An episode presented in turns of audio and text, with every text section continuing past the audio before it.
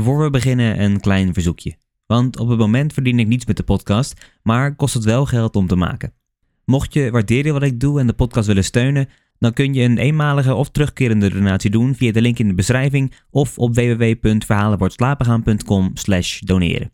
Je kunt van elke mogelijke betaalwijze gebruik maken en zo kan ik weer een jaartje de podcast in de lucht houden en af en toe een weggeefactie van een mooi boek houden. Maar goed, dan heb ik voor nu genoeg gebedeld. Heel veel luisterplezier.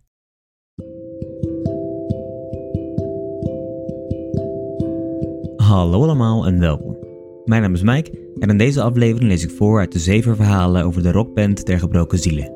Dit is Verhalen voor het slapen gaan.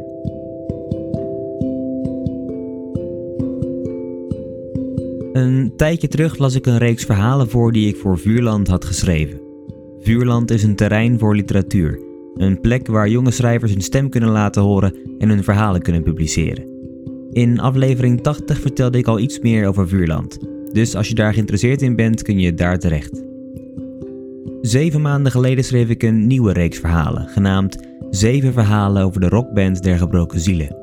Zoals je misschien al kunt raden is het een reeks van zeven verhalen, en in elk verhaal staat er een ander bandlid centraal. Elk lid van de band maakt iets tragisch mee, en we volgen hoe ze hiermee omgaan en uiteindelijk weer proberen door te gaan. Het is een reeks over doorzettingsvermogen en kameraderie. In het eerste verhaal van de reeks is de drummer aan de beurt. Zijn huis brandt af en brengt de daaropvolgende dagen door in een hotel, totdat de zanger hem plotseling opbelt. Dit is de drummer.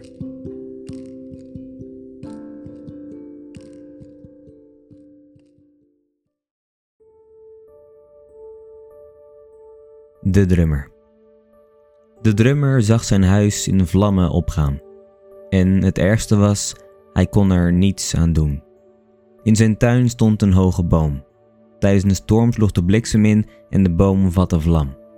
Natuurlijk, hij belde het alarmnummer, maar voordat de brandweer ter plaatse was, was de boom geknapt en op zijn huis gevallen. Of eigenlijk in zijn huis, want het dak en de muren waren niet bestendig tegen de grote, zware boom. Voor de drummer het wist, stond een zolder in de fik en spreidden de vlammen zich langzaam uit door zijn huis. Achteraf weet hij nog goed dat zijn eerste gedachte was: ik moet mijn telefoon hebben. Niet de foto's aan de muur, niet zijn laptop en zijn harde schijven, niet de mappen met documenten die ongetwijfeld van pas zouden komen als zijn huis eenmaal afgebrand was. Nee, door de paniek dacht hij aan niets van dat alles. Zijn telefoon, die moest hij hebben. Toen hij hem zag liggen, griste hij ook zijn portemonnee van de salontafel. Als hij over een uurtje niets meer had, dan had hij tenminste nog wat contant geld, een pinpas, een OV-chipkaart en een identiteitsbewijs. Dat vooral. De vlammen konden hem zijn huis afnemen, maar van zijn identiteit bleven ze verdikken me af. Hij rende de trap op, probeerde in een oogopslag te polsen hoe lang het zou duren voordat het vuur de zolder zou hebben opgeslokt en aan zijn weg naar beneden zou beginnen. Toen hij op de overloop stond, deed het vuur pijn aan zijn ogen. En aan zijn huid ook eigenlijk, want het was heet, dat vuur. Hij hield zijn arm voor zijn gezicht om zijn ogen af te schermen. Onderhand waren de vlammen al begonnen aan het volgende slachtoffer, de houten trap. Hij keek met grote ogen om zich heen en zijn blik viel op de badkamer. Ineens zag hij zijn tandenborstel en wist hij dat hij die koste wat het kost moest redden. Wat bleef er nog van hem over zonder tandenborstel? Niets meer dan een holbewoner, een man zonder hygiëne. Hij wilde al een stap richting de badkamer zetten, maar toen hij de trap naar de zolder hoorde kraken, herinnerde hij zich weer dat hij eigenlijk vooral bezig moest zijn met het maken dat hij wegkwam. Dus dat deed hij. De drummer sprintte zo snel naar beneden dat hij bijna struikelde. Hij wierp nog een laatste blik op de woonkamer. Was er niet nog iets dat hij mee moest nemen? En ging de straat op. Daar ging hij zitten op het stoepje tegenover zijn huis. Ergens in de verte hoorde hij vaag sirenes. Maar daar op die stoep klonk vooral het geknisper, alsof zijn huis een groot blok hout was. Voor zijn ogen zag hij hoe zijn huis met het helse kabaal van duizend drumsolo's in elkaar stortte. Hij stak zijn handen naar voren, alsof hij voor een kampvuur zat. Zo had hij er in ieder geval nog een beetje warmte van. Pas na twee dagen, toen hij moe was geworden van de telefoontjes met de verzekering en hij, omdat hij niets anders wist, in een klein hotelkamertje zat waar de muren vergeleken met zijn huis toch wel erg dicht op elkaar leken te staan, realiseerde hij zich hoeveel hij was verloren. De brandweer was niet op tijd en het vuur had de woonkamer al bereikt voordat het geblust was. Hoewel een deel van het huis toch overeind stond, was er niets dat niet door het vuur aangevreten was. De foto's aan de muur, de harde schijven, de mappen met papieren. Nu pas dacht hij aan dat alles. Zijn kleren, de boeken die hij in zijn leven bij elkaar had gespaard, relieken uit zijn jeugd, al zijn schriften en dagboeken, zijn drumstel, alles was weg, voetzie. Het was net alsof het vuur naast zijn huis ook zijn hele leven had opgebrand. Het duurde natuurlijk ook niet lang voordat de media hadden opgevangen dat zijn huis was afgebrand. Hij was immers de drummer van een rockband die af en toe in de hitlijsten verscheen en dat maakte hem net relevant genoeg voor een berg kleine online artikeltjes. Maar landelijk nieuws werd het niet. Op Instagram en Twitter werd hij doodgegooid met steunbetuigingen en liefde. En hoewel hij dat normaal misschien lief had gevonden, herinnerde elk ontvangen berichtje hem er nu alleen nog maar aan dat zijn hele leven verdwenen was. Zijn dagen in dat hotel waren als volgt. Hij ontbeet, keek tv, ging lunchen, keek nog wat meer tv, bestelde roomservice, staarde s'avonds net zo lang naar het scherm tot hij in slaap viel om ditzelfde proces de volgende dag te herhalen. Naar buiten ging hij niet. Waarom zou hij? Om boodschappen te doen? Het gebrek aan een koelkast maakte dat overbodig. Om bij vrienden langs te gaan? Die leken hem niet te missen. Op een paar meelevende berichten na had hij van zijn naasten niets ontvangen. Dus versleet hij zijn dagen op die hotelkamer in de hoop dat de verzekering op een dag een nieuw huis uit de grond stampte. Het liefst met zijn oude leven er nog in. Twee weken ging dit door, totdat de zanger belde. De drummer keek een volle 10 seconden naar de naam op zijn telefoonscherm voordat hij opnam. Ik hoorde het van de brand. Klote man, zei de zanger. Gaat ie? Gaat wel. Waar zit je? Een hotel. Een hotel? De drummer knikte.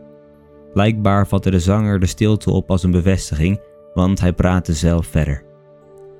Ja, dat gaat dus niet, een hotel. Achterlijk. Je komt bij mij slapen. Pak je spullen, ik ben de hele dag thuis. En wanneer de zanger zoiets zei, dan deed je dat ook. No questions asked. De drummer pakte zijn spullen, checkte uit en pakte de trein naar Amsterdam, waardoor hij diezelfde middag nog voor het flatgebouw van de zanger stond. Hij belde aan, hoorde wat gekraak uit de speaker en de deur sprong open. Toen hij bij het appartement aankwam, stond de zanger hem in de deuropening op te wachten.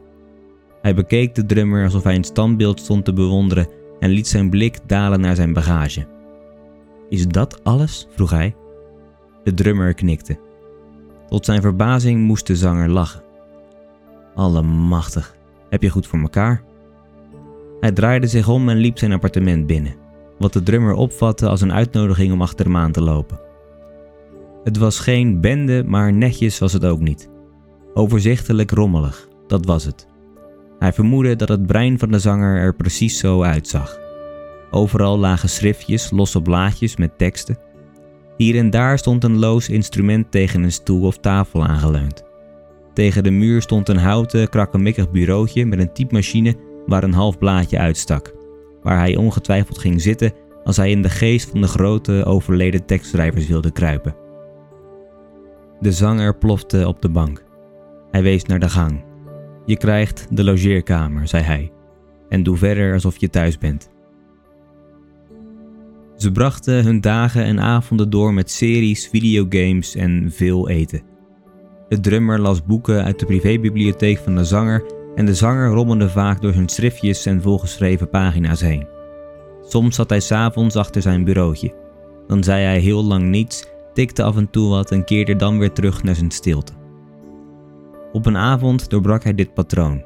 Na een heftige tikbui zuchtte hij diep, greep het blaadje uit de diepmachine en legde het op een stapeltje, waarna hij het hele pak papier in de schoot van de drummer wierp, die op de bank een boek zat te lezen. Hier, zei de zanger. Lees. Wat is het? Teksten, wat ideeën. Lees nou maar. Waarom ik? Zie jij nog iemand anders in dit huis? De drummer begon te lezen. In zijn achterhoofd hoorde hij een stemmetje dat zich afvroeg waarom hij dit aan het lezen was. waarom hij überhaupt in het appartement zat. Had de zanger hem alleen maar uitgenodigd zodat hij zijn teksten kon beoordelen? En was hij nog zo'n stom om erin te trappen ook? Naarmate hij zich verdiepte in de teksten, vervaagde het stemmetje in zijn hoofd. Hij zakte in de teksten weg, verloor zich in de rijkdom. Hij was vergeten hoe mooi een liedtekst kon zijn, vergeten wat het effect van zijn teksten op hem waren. Alles om hem heen smolt weg. Hij kon alleen nog aan die woorden denken. Bij sommige teksten kon hij een melodie, een riff, een drumsolo al horen. Na een paar dagen legde hij het weer op de schoot van de zanger. Voor het geval dat de zanger hem daadwerkelijk alleen bij hem thuis had uitgenodigd om zijn teksten te lezen, wilde hij zijn enthousiasme nog niet te veel laten blijken. Ik heb het gelezen, zei hij. Ze zijn aardig, maar er kan nog aan gesleuteld worden. Ik heb een paar aantekeningen gemaakt. Maar vertel, waar is het voor? De zanger staarde even voor zich uit, zei toen: Ik heb een idee voor een nieuw album. Dat zette de drummer op scherp. Er rommelde iets in zijn buik, een laag tromgeroffel. Hij wilde springen, dansen, maar hield zich in. God, ja, een album. Wanneer zouden ze beginnen? Morgen? Waarom niet nu? Ja, zei de drummer, dat lijkt me niet zo'n gek idee. Met deze teksten kunnen we wel wat. De zanger glimlachte. Kun jij misschien ook weer wat bij elkaar sprokkelen voor een nieuw huis? En pas toen de zanger dat had gezegd, realiseerde hij zich dat hij al meer dan twee weken niet aan zijn oude huis had gedacht. Toen hij opkeek naar de zanger, zag hij dat hij naar hem lachte.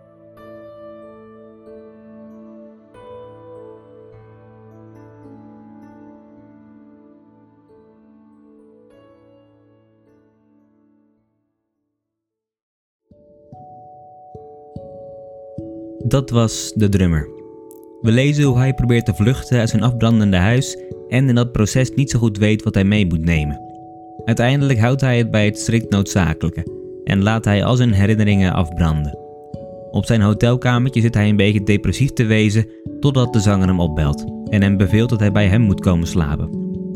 Daar spendeert hij zijn dagen redelijk comfortabel en de zanger laat hem zijn gang gaan. En op een gegeven moment gooit de zanger een set liedtekst op zijn schoot. De drummer vraagt zich af of dit de reden was dat hij bij de zanger mocht blijven slapen, of hij alleen maar wordt gebruikt. Ook als lezer kom je dat niet te weten, maar uiteindelijk maakt het niet uit. De teksten maken de drummer enthousiast, enthousiaster dan hij wil laten merken. Hij wordt er zo door ingenomen dat hij zich op een gegeven moment realiseert dat hij al een tijd lang niet meer aan zijn afgebrande huis heeft gedacht. En dus is de missie van de zanger volbracht. In het volgende verhaal lezen we over de gitarist, die midden in een vechtscheiding zit. Maar dat is voor de volgende keer. Voor ik afsluit nog één dingetje. Het luisteren van de podcast is gratis, maar het maken is dat niet. Natuurlijk vind ik het hartstikke leuk om te doen. Maar mocht je de podcast willen steunen, dan kan dat door je op de podcast te abonneren. Je krijgt dan toegang tot alle afleveringen, luisterboeken en giveaways. Je kunt ook altijd een losse donatie doen. Alle links staan in de beschrijving. Je kunt je waardering voor de podcast natuurlijk ook uiten door een positieve beoordeling achter te laten of door hem met anderen te delen. Dat helpt me enorm. Ik wil jullie hartstikke bedanken voor het luisteren naar deze podcast. Voor achter de schermen, updates, vragen of opmerkingen kun je me vinden op social media onder de naam Verhalen wordt slapen gaan. En dan zie, slash hoor ik jullie volgende keer. Voor nu, goede nacht, slaap zacht.